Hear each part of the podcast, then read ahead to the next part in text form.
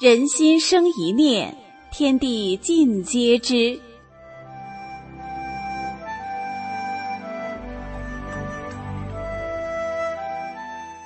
听众朋友您好，欢迎收听明慧广播电台《善恶一念间》节目。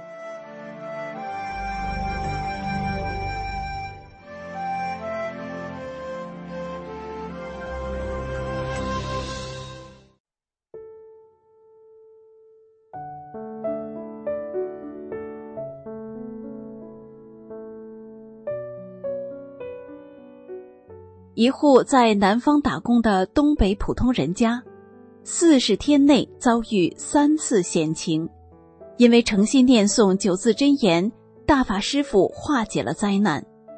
请听东北一位法轮功学员讲述的自己家里的事。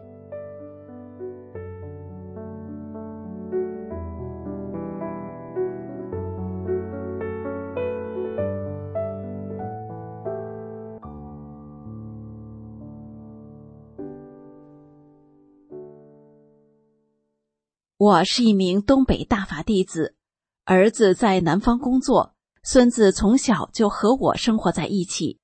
长大后有时间，我就教他学法练功。孙子知道法轮大法好。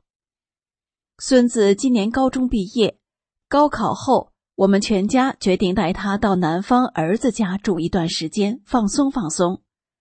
儿子为了我们的到来，买了一套四室一厅的楼房。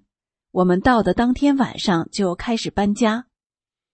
孙子看到搬家的工人和大人在打包忙着，就想自己下楼待会儿。在电梯里，他无意间按了一个按键，电梯门开了，他就走了进去，却发现眼前漆黑一片，一点光亮也没有，像是没人住的地方。想马上离开这里，他再按电梯键。门怎么也打不开了，他从电梯门缝里能看到爸爸和工人搬东西和听到说话的声音，他就大声的喊，但电梯下的太快了，没人听到。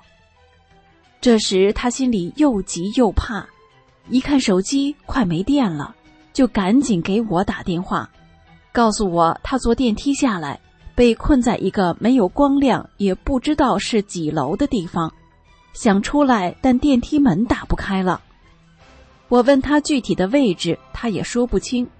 我对他说：“别怕，快念九字真言，求师傅救你，再给你爸爸打电话。”孙子答应了。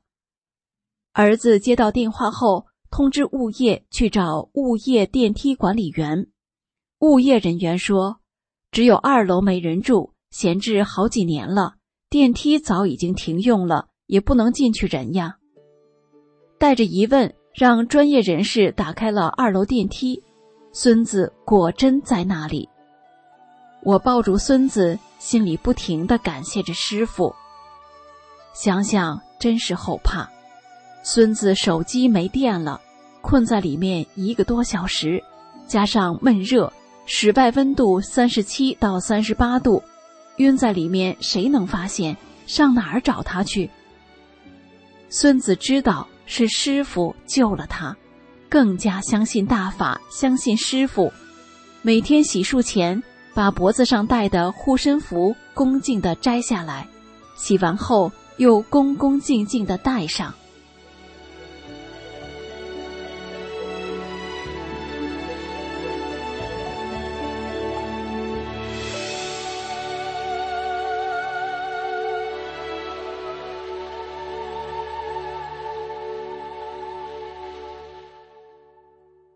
这件事过去不久，儿子带我们去海边玩。那天一共开了两辆车，亲朋好友聚在一起玩得很开心。傍晚要回来时，发现有一台车打不着火，出故障了。大家一看慌了，修了半天也没修好，最后只好叫救援车，想把车拖回去再修。电话联系到了拖车。谈好价钱九千元，要等两个小时车才能过来。这时，我告诉儿子和其他明真相的亲朋好友一起默念法轮大法好，真善人好，求师傅帮帮我们。默念了一会儿，儿子上车一试，打着火了，车没修，自己好了。大家那个高兴劲儿呀，都不由自主的说：“谢谢师傅，谢谢师傅。”这一次，让在场的所有人见证了大法的神奇。我们不但省下了九千元，又省去了漫长的等车时间，提早回了家。还有一件事，就是今年九月六号，这里下了场大暴雨，和全国各地一样发大水了。一夜之间，全市三十六个小区被淹，水齐腰深。儿子的工厂车间进水了，三十万、五十万不等的机器，一共五台泡在水里，瞅着那个揪心呐。我们一夜没睡。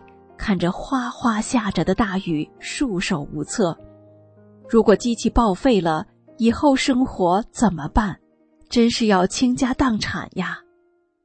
我还是和以往一样，叮嘱着全家人念九字真言：“法轮大法好，真善人好。”一夜后，雨停了，儿子迫不及待的到车间一看，水退了。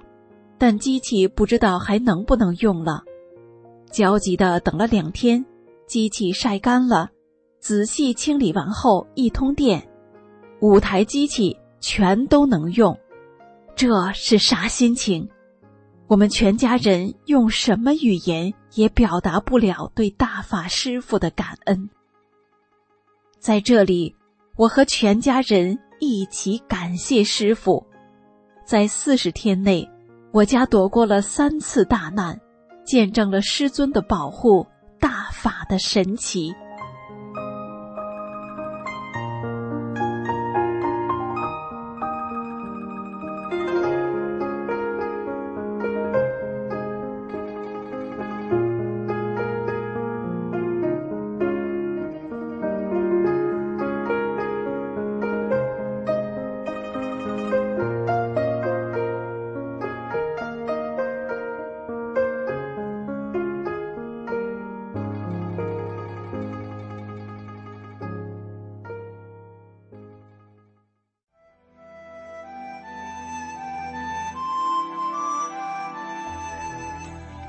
听众朋友，今天的善恶一念间就到这里，感谢您的收听。